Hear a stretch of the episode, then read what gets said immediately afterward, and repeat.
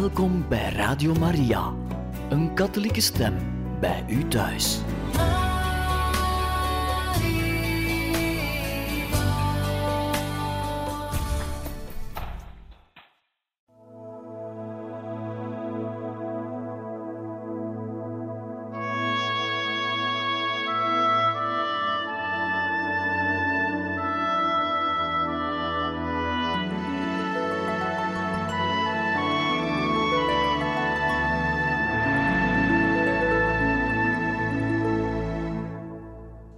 Van harte welkom, beste luisteraars van Radio Maria, bij het programma Heiligen Getuigen. Wij lezen u verder uit het boek Mijn Heerlijk Leven, het verrassend geestelijk avontuur van de jeugdige Gabriel Possenti, geschreven door Edmund Burke. Het vertelt ons eigenlijk het levensverhaal van Francesco Possenti, een jonge man die uiteindelijk zou bekend raken als de heilige Gabriel van Onze Lieve Vrouw van Smarten.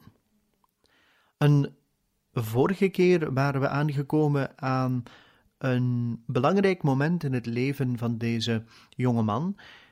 Na lang twijfelen, na lang het vergeten van zijn beloftes die hij heeft gedaan aan God om toch het klooster in te gaan als hij zou gered worden van enkele ziektes, wat ook gebeurde, rijpt langzamerhand de roeping om die stap te nemen, om ja te zeggen op de roepstem van de Heer. En hij beslist om een brief te schrijven naar pater Peter Tedeschini, een Jezuïet, want hij was natuurlijk een kind van de Jezuïeten, zeg maar, want hij ging naar een college van de Jezuïeten. En in die brief legt hij een aantal dingen uit over zijn roeping, wat hij ervaart en vraagt hij ook raad. Het belang van deze brief is zeer groot in het de ontwikkeling van het geestelijk leven van Francesco Possenti, en daarom hernemen we ook deze brief even bij het begin van deze aflevering, en zo kunnen we gemakkelijk opnieuw op het spoor komen van het verhaal. Pater Tedeschini die schrijft dus als volgt. Rome, 17 mei 1855 Mijn beste Francesco, Pax Christi, moge de vrede van Jezus Christus je vervullen. Met deze woorden schenk ik je de beste groet die er gewisseld kan worden tussen hen die elkaar oprecht in Christus zijn toegedaan. Moge die gezegende vrede steeds met je zijn, een vrede die de wereld niet geven kan, maar een die van Jezus alleen komt. Een vrede die ontspringt aan zijn genade, die steeds met je is. Het is een vrede voortkomend uit hemels licht, waarin je de ijdelheid en bedriegelijkheid van de dingen van deze wereld zult onderscheiden, de oneindige waarde van de eeuwige dingen de beminnenswaardige plannen die de voorzienigheid met je voor heeft en de wil van God waarnaar je zoekt. Maar je zult deze vrede niet vinden te midden van de verstrooiingen en genoegens van deze wereld, omdat het een vrede is die de wereld niet geven kan.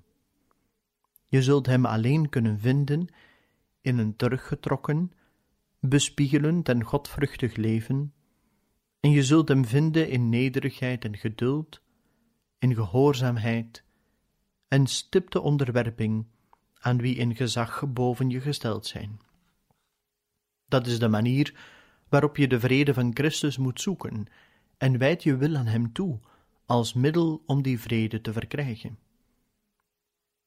Hij schept behagen in vrede, en zijn stem wordt nooit vernomen door harten die geen vrede kennen. Denk erom dat het plan waarmee je rondloopt er een is dat, meer dan alle andere, tranen en gebeden voor de Almachtige God vergt. Hier volgt wat je moet doen. Daar dit het zegenjaar van Maria onbevlekt ontvangen is, moet je je een beeltenis verschaffen dat dit buitengewone voorrecht voorstelt. Bevestig het tegen een muur van je kamer en kniel vijf of zes maal per dag of nog vaker als je kunt, voor haar neer en leg heel je ziel en deze aangelegenheid van je roeping in haar handen. Bid tot haar. Smeek haar liefdevol je te leiden en te verlichten, je te behoeden voor de listen van de duivel. Vraag haar steeds je je gebrek aan trouw te vergeven. Herinner er haar aan dat zij je moeder is. Daarom ben je niet langer van jezelf, maar behoor je haar volkomen toe. Zij kan daarom met je doen wat zij wil, en kan je op de rechte weg plaatsen die je naar de hemel zal leiden. Dan gaat Pater Tedeschini ertoe over Francesco enkele praktische adviezen te geven. Hij waarschuwt hem vooral voor zijn neiging om de dingen te licht op te vatten. Dit tekort aan geestelijke discipline had blijkbaar aanleiding gegeven tot moeilijkheden in zijn studie, vooral in twee vakken: filosofie en wiskunde. Hij vervolgt dan de lange brief met woorden van bemoediging en aansporing, beëindigend aldus. Mijn beste Francesco, houd goede moed. Denk steeds aan Jezus en Maria en aan de eindeloze eeuwigheid die iedere dag voor ons dichterbij komt. En zorg ervoor dat die gedachten ook vruchten dragen. Laat ze je ertoe brengen je kleine gebreken te boven te komen en met blijdschap iedere moeite te dragen die een dergelijke worsteling uiteraard met zich meebrengt. Na verloop van tijd en door herhaalde inspanningen zal je, met de hulp van Gods genade, alle overwinnen. Laat die gedachten je ook ertoe brengen de zonde te verafschuwen, en vermijd slechte boeken en slecht gezelschap met evenveel toeleg als waarmee je de duivel zelf zou mijden. Laat ze je helpen alle ijdelheid en kleding en beuzelachtige gesprekken te versmaden, alle menselijk opzicht, alle dwaasheden en nietigheden van de wereld te onderdrukken. Mogen zij je eveneens ertoe brengen dagelijks met grote innigheid des harten over de eeuwige waarheden te mediteren, en zeer vaak de heilige sacramenten te ontvangen. In één woord, laat ze je ertoe brengen een hekel te krijgen aan de wereld en al haar valse beginselen, aan al waar zij op uit is, aan al wat zij nastreeft. Word een heilige. Hartelijke groet in Christus, jouw Peter Tedeschini. Het is niet mogelijk het belang van deze brief voor de geestelijke ontwikkeling van Francesco Possenti te overschatten. Op de eerste plaats kwam hij juist op tijd, namelijk op een kritiek ogenblik waarop hij meer dan ooit behoefte had aan goede raad en bemoediging. Maar wat nog belangrijker is, hij schetste in grote lijnen het beeld dat later door Francesco meer in bijzonderheden zou worden vervolledigd. Alles is hierin reeds aanwezig: nederigheid en geduld, stipte en gewillige gehoorzaamheid, godsvrucht tot Maria, meditatie over de eeuwige waarheden, afkeer van de wereld en haar valse beginselen. Hij las en herlas deze brief totdat hij hem nagenoeg van buiten kende. Deze legde hem een werkplan voor dat hij later volledig zou uitvoeren. De vrede van Christus werd hem aangeboden en hij moest bereid zijn de prijs ervoor te betalen. Terwijl Pater Tedeschini ver weg in Rome verbleef, was het voor Francesco blijkbaar moeilijk iemand anders te vinden tot wie hij zich om leiding kon wenden. In deze moeilijke situatie kwam plotseling de gedachte aan een mogelijke raadgever bij hem op. Diep in het bos, tegen de hellingen van Monteluccio, met het uitzicht over Spoleto, woonde een oude kluizenaar die zich aan een eenzaam leven van gebed en boetedoening gewijd had. Velen hadden alleen zijn pelgrimage ondernomen naar de heremiet van Sezi, zoals hij genoemd werd, en waren getroost en verlicht door zijn gezonde wijsheid teruggekeerd. Mogelijk had Francesco zijn eenzame woning al eens op een jachtpartij toevallig ontdekt en een paar woorden met hem gewisseld. Hij besloot hem weer te gaan opzoeken en hem zijn moeilijkheden voor te leggen. Het was een lange en vermoeiende klimpartij over oneffen terrein en door dichte bebossing, maar uiteindelijk stond Francesco toch voor de cel van de kluizenaar. De oude man kwam naar buiten om hem te begroeten, en even vroeg Francesco zich af of het wel goed was hierheen gekomen te zijn. Het uiterlijk van de kluizenaar was niet aandokkelijk.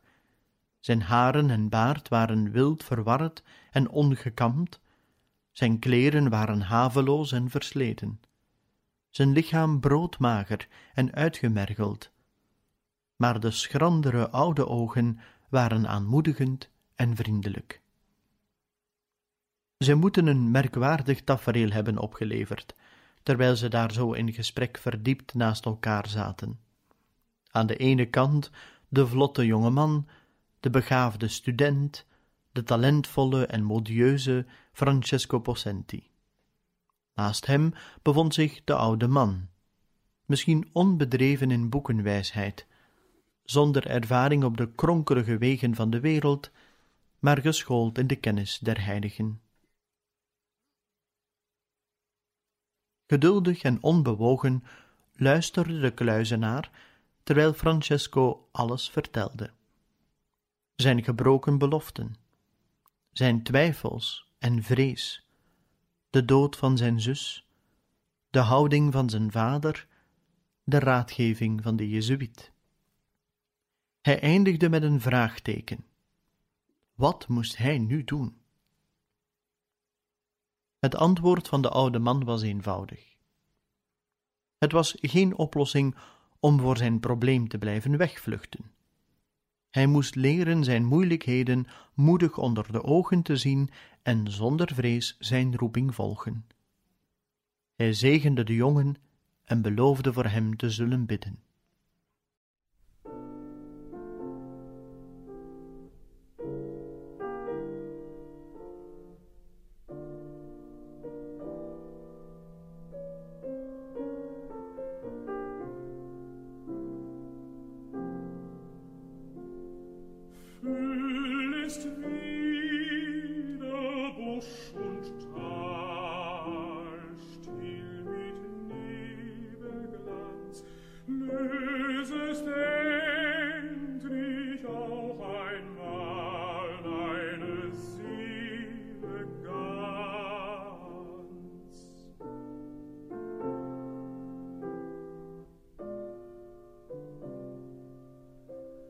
breitest über mein Gefühl.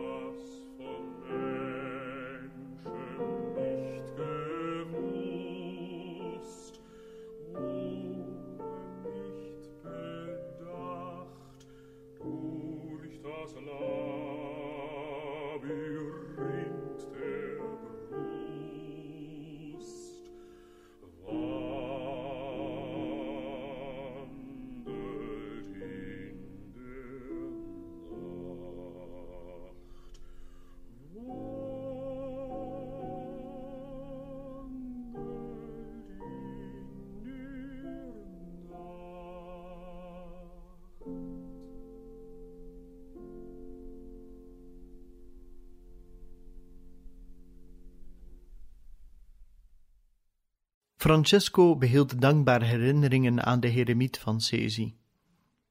In de allereerste brief die hij van het Passionistenklooster uitschreef, sloot hij een afzonderlijk bericht voor de oude man in en vroeg hij zijn vader: Wilt u het bijgaande alstublieft aan de heremiet van Sesi doen toekomen? En zijn dankbaarheid was blijvend, want acht of negen maanden later voegde hij een veelbetekenend postscriptum aan een andere brief toe. Dat luidde als volgt: Hoe gaat het met de heremiet van Sesi, die ik over mijn roeping heb geraadpleegd? Schrijf hem eens en zeg hem dat onze lieve Heer zeer goed voor me geweest is, dank zij zijn gebeden. En vergeet niet hem te zeggen dat ik zijn gebed nog nodig heb, heel erg nodig heb. Vermoedelijk had de kluizenaar Francesco de waarde van lichamelijke boetedoening onder het oog gebracht. Dat zou een nuttige ascetische oefening zijn en een heilzaam middel om zijn overmatige kieskeurigheid in zijn kleding ongedaan te maken. Plotseling begon Francesco in geen geringe mate meer soberheid na te streven, en zonder dat iemand het wist, Onder het vertoon van zijn uitgelezen kleren ging hij pijnigingsinstrumenten dragen. Een daarvan was een kleine leren gordel aan de binnenkant bezet met scherpe metalen punten, en die hij dicht rond zijn middel bevestigd droeg. Per toeval werd de gordel op zekere dag in zijn kamer gevonden door Enrico, die hem meenam en verborg. Intussen verstreken de maanden, en ondanks zijn pas vernieuwde ijver bleef Francesco besluiteloosheid aan de dag leggen. Het viel niet zo gemakkelijk vaarwel te zeggen aan de wereld die hij zijn hele jonge leven lang gekend had. Sante Possenti begon steeds meer op Francesco te rekenen en hem geleidelijk in te wijden in de beginselen van wat hij naar hoopte zijn toekomstige loopbaan zou zijn. Met het vertrek van Michael voor zijn medische studies zag Francesco zich bevorderd tot het ambt van secretaris. S'avonds las hij luidop de staatscourant voor, terwijl zijn vader aantekeningen maakte. Naderhand begon hij zich met de officiële correspondentie bezig te houden en op het dictaat van Santé antwoorden te schrijven. Al spoedig waren zijn diensten onmisbaar. Dacht Francesco helemaal niet meer aan zijn verzoek om tot de Sociëteit van Jezus te worden toegelaten? Deed hij in het geheel niets voor zijn roeping? Billijkheidshalve moet worden toegegeven dat hij aan alle kanten met moeilijkheden te kampen had. Zijn goede vriend Pater Tedeschini was ver weg en Francesco had niemand om zijn zaak te bepleiten. Zijn schijnbare onbestendigheid, rustig observerend, waren de Jezuïeten blijkbaar tot de bevinding gekomen dat Francesco Possenti toch niet zo'n aanwinst voor de sociëteit zou blijken geweest te zijn als zij aanvankelijk gedacht hadden. In ieder geval ondernamen zij geen stappen meer, overwegend dat, wanneer Francesco werkelijk Jezuïet wilde worden, hij een daadwerkelijker belangstelling voor zijn roeping aan de dag zou moeten leggen. Niettemin vatte Francesco uiteindelijk voldoende moed om een inleidende stap te doen. Het jaar uitstel dat zijn vader hem had aangeraden liep ten einde, en Francesco voelde dat het tijd werd om handelend op te treden. Hij wendde zich tot het bestuur van het college voor een verklaring van goed gedrag en vorderingen in zijn studies. Het getuigschrift dat hij kreeg was voldoende, maar geenszins geestdriftig. Het is de moeite waard het volledig aan te halen. College van Spoleto S.J. En dat staat natuurlijk voor Sociëteit van Jezus. De ondergetekende verklaart dat Francesco Possenti student geweest is van het Spoleto College van de Sociëteit van Jezus van de maand november 1850 tot september 1854. Hij volgde de klassen Latijn, Humaniora en Rhetorica. Hij was ijverig en aandachtig in de studies en maakte passende vorderingen. Ik verklaar voorts dat hij anderhalf jaar lang regelmatig de colleges in logica, metafysica en lagere wiskunde volgde. Hij ontving dikwijls de heilige sacramenten. Hij bezocht de Maria-congregatie en de godsdienstlessen en nam de regels van ons college in acht. A. Rossi, Jezuïet, klasse surveillant, Spoleto, 20 april 1856. Terwijl hij zich tegenover zijn vader een plichtsgetrouwe en gehoorzame zoon toonde, hield hij zorgvuldig de stappen voor hem verborgen die hij nam om zijn bedreigde roeping veilig te stellen. In zalige onwetendheid nam Santi Possenti de leiding door veelvuldiger bezoek aan de schouwburg voor te stellen, drukker deelneming aan partijtjes en vermaak. Francesco legde zich daar glimlachend bij neer, maar nam handig zijn tegenmaatregelen tegen de nogal doorzichtige bedoelingen van zijn vader. Ik weet met stelligheid, zo zegt zijn broer Enrico, dat wanneer zij in de schouwburg waren, hij vader dikwijls toestemming vroeg om even met een vriend te gaan praten. In feite glipte hij dan de schouwburg uit en haastte zich naar de kathedraal in de buurt om daar een bezoek te brengen. Als de grote deuren van de kathedraal dicht waren, dook Francesco weg in de schaduw van de portiek en had, op de koude stenen geknield, zijn rendezvous met onze lieve vrouw. Er bestond een vreemde tegenstelling tussen de twee zijden van zijn leven. Op een bepaalde manier was die ook symbolisch voor de verandering die weldra op til was. Van de schitterende lichten van de schouwburg en de begoocheling van het toneel stapte hij over in de donkerte van de nacht en de schaduw van de kerk.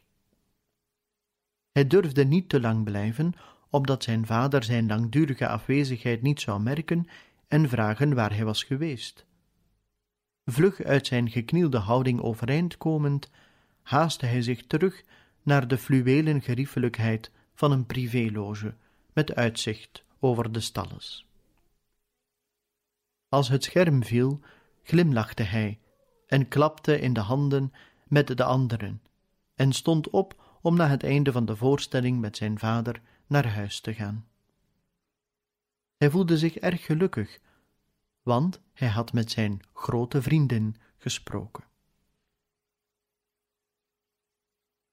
Tussen de schatten van de kathedraal van Spoleto bevond zich een oude afbeelding van Onze Lieve Vrouw, die verondersteld werd van Byzantijnse oorsprong te zijn en algemeen bekend stond onder de naam van de icoon van Spoleto.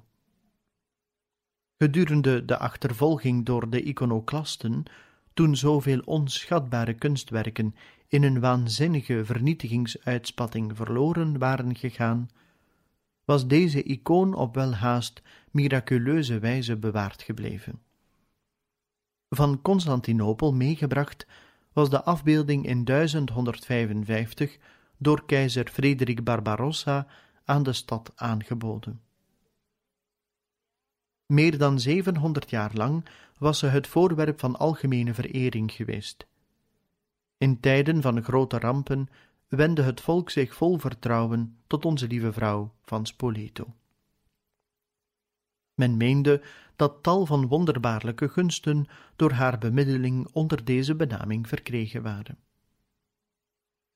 Toen de stad door de cholera geteisterd werd, keerden de mensen van de stad zich instinctief tot hun hemelse moeder om bescherming. Menig angstig gebed steeg uit de zwaar beproefde huizen van Spoleto tot Maria op.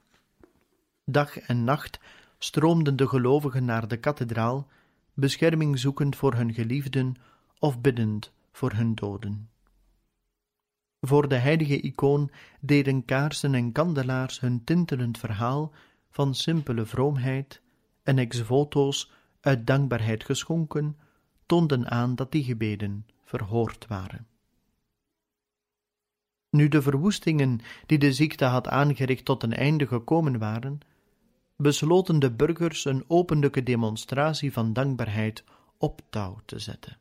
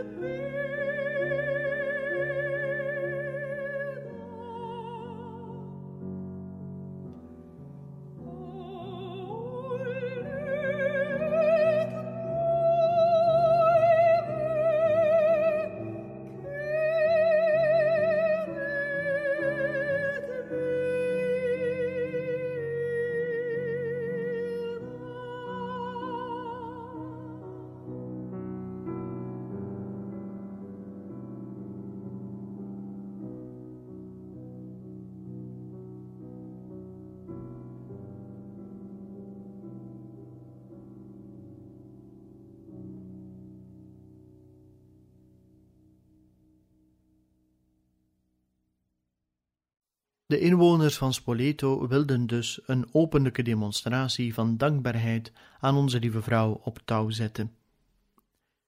Het feest van Maria ten hemelopneming is in Italië steeds een grote kerkelijke feestdag. Maar in dat jaar was die bijzondere processie van dankbaarheid vastgesteld op de 22 augustus, het octaaf van de ten hemelopneming. Lang tevoren moesten er voorbereidingen getroffen worden, want dit moest een zeer bijzondere gelegenheid worden. Bogen van bloemen overspanden de straten. Kleurige tapijten hingen van de balkons naar beneden. Vlaggen wapperden vrolijk op de lichte wind. Trotse moeders haasten zich voort met hun in het wit geklede kinderen die moesten meegaan in de processie. Vooraanstaande burgers, verhit en zelfbewust en op hun paasbest, bevonden zich tussen de verspreide groepen achter de lange stoet. Het hoogtepunt van de plechtigheid zou zijn als de aartsbisschop, staande op de loggia van de kathedraal, de stad zijn zegen zou geven, voordat de eerbiedwaardige icoon naar haar schrijn zou worden teruggebracht. Om een of andere niet bekende reden nam Francesco niet aan de processie deel. Op die gedenkwaardige dag voelde hij zich inderdaad niet zo goed als hij gewoon was.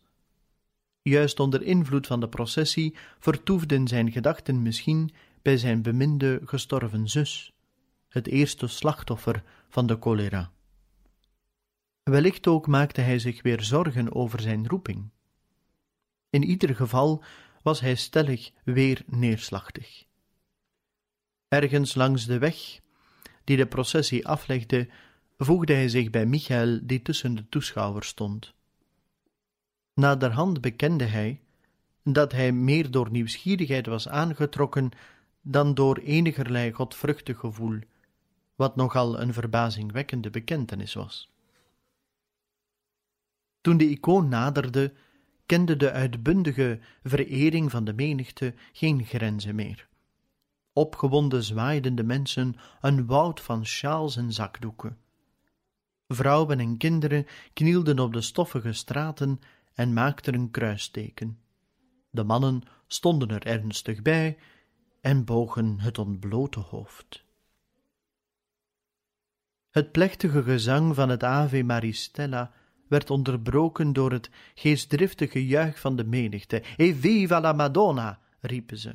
E viva Maria! Sinds lang had men zo'n dag niet beleefd.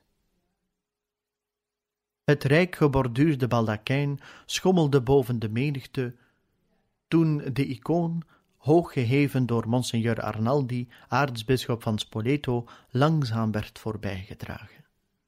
Devoot knielde Francesco neer en sloeg zijn ogen op naar het zachtmoedige gelaat van de Moeder Gods.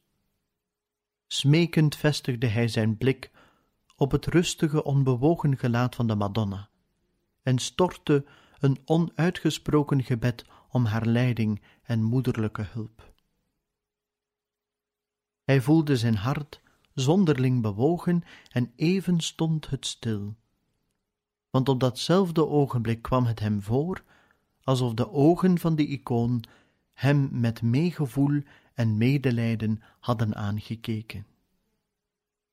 Kon hij zich vergist hebben?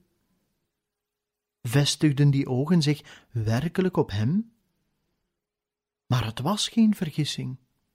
Er was geen vergissing mogelijk. Klaar en duidelijk hoorde hij de stem in zijn binnenste. Zij was zo duidelijk alsof iemand de boodschap van de daken verkondigd had. Het was een boodschap die duidelijk was en nadrukkelijk en persoonlijk. Francesco, wat doe jij hier? Jij bent niet bestemd voor de wereld. Maak dat je in het klooster komt. Zijn geest was aan tegenstrijdige gevoelens ten prooi.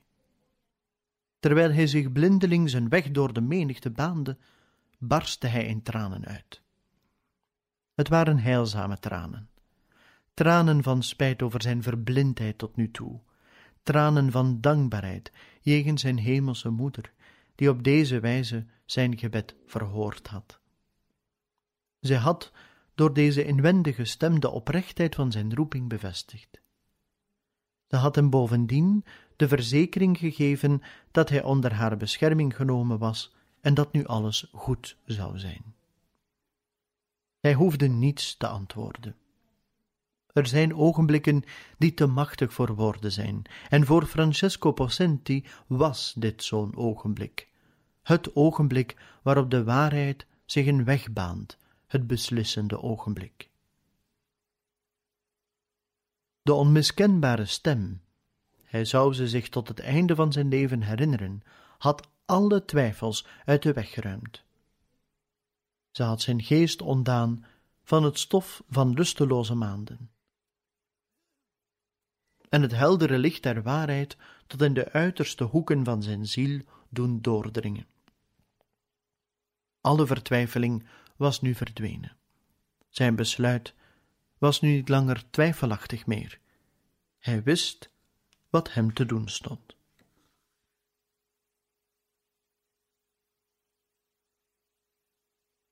En zo zijn we aan het einde gekomen van deze aflevering van het programma Heiligen Getuigen. Een volgende keer gaan we verder met een zesde hoofdstuk: Onverwachte tegenstand. Want natuurlijk, zo gaat dat nu eenmaal. Wanneer iemand een roepstem van God onderscheidt in zijn leven, de roepstem van God leert kennen, de wil van God leert kennen in zijn of haar leven en een standvastige beslissing wil nemen, dan zal ongetwijfeld de tegenstander ervoor zorgen dat er tegenstand komt.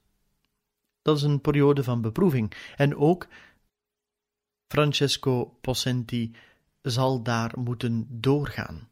En dat ontdekken we natuurlijk een volgende keer wanneer u afstemt op het programma Heiligen Getuigen, dan lezen wij u graag verder voor uit het boek Mijn Heerlijk Leven, het verrassend geestelijk avontuur van de jeugdige Gabriel Possenti, geschreven door Edmund Burke. En dan hoop ik dat u er ook een volgende keer opnieuw wenst bij te zijn.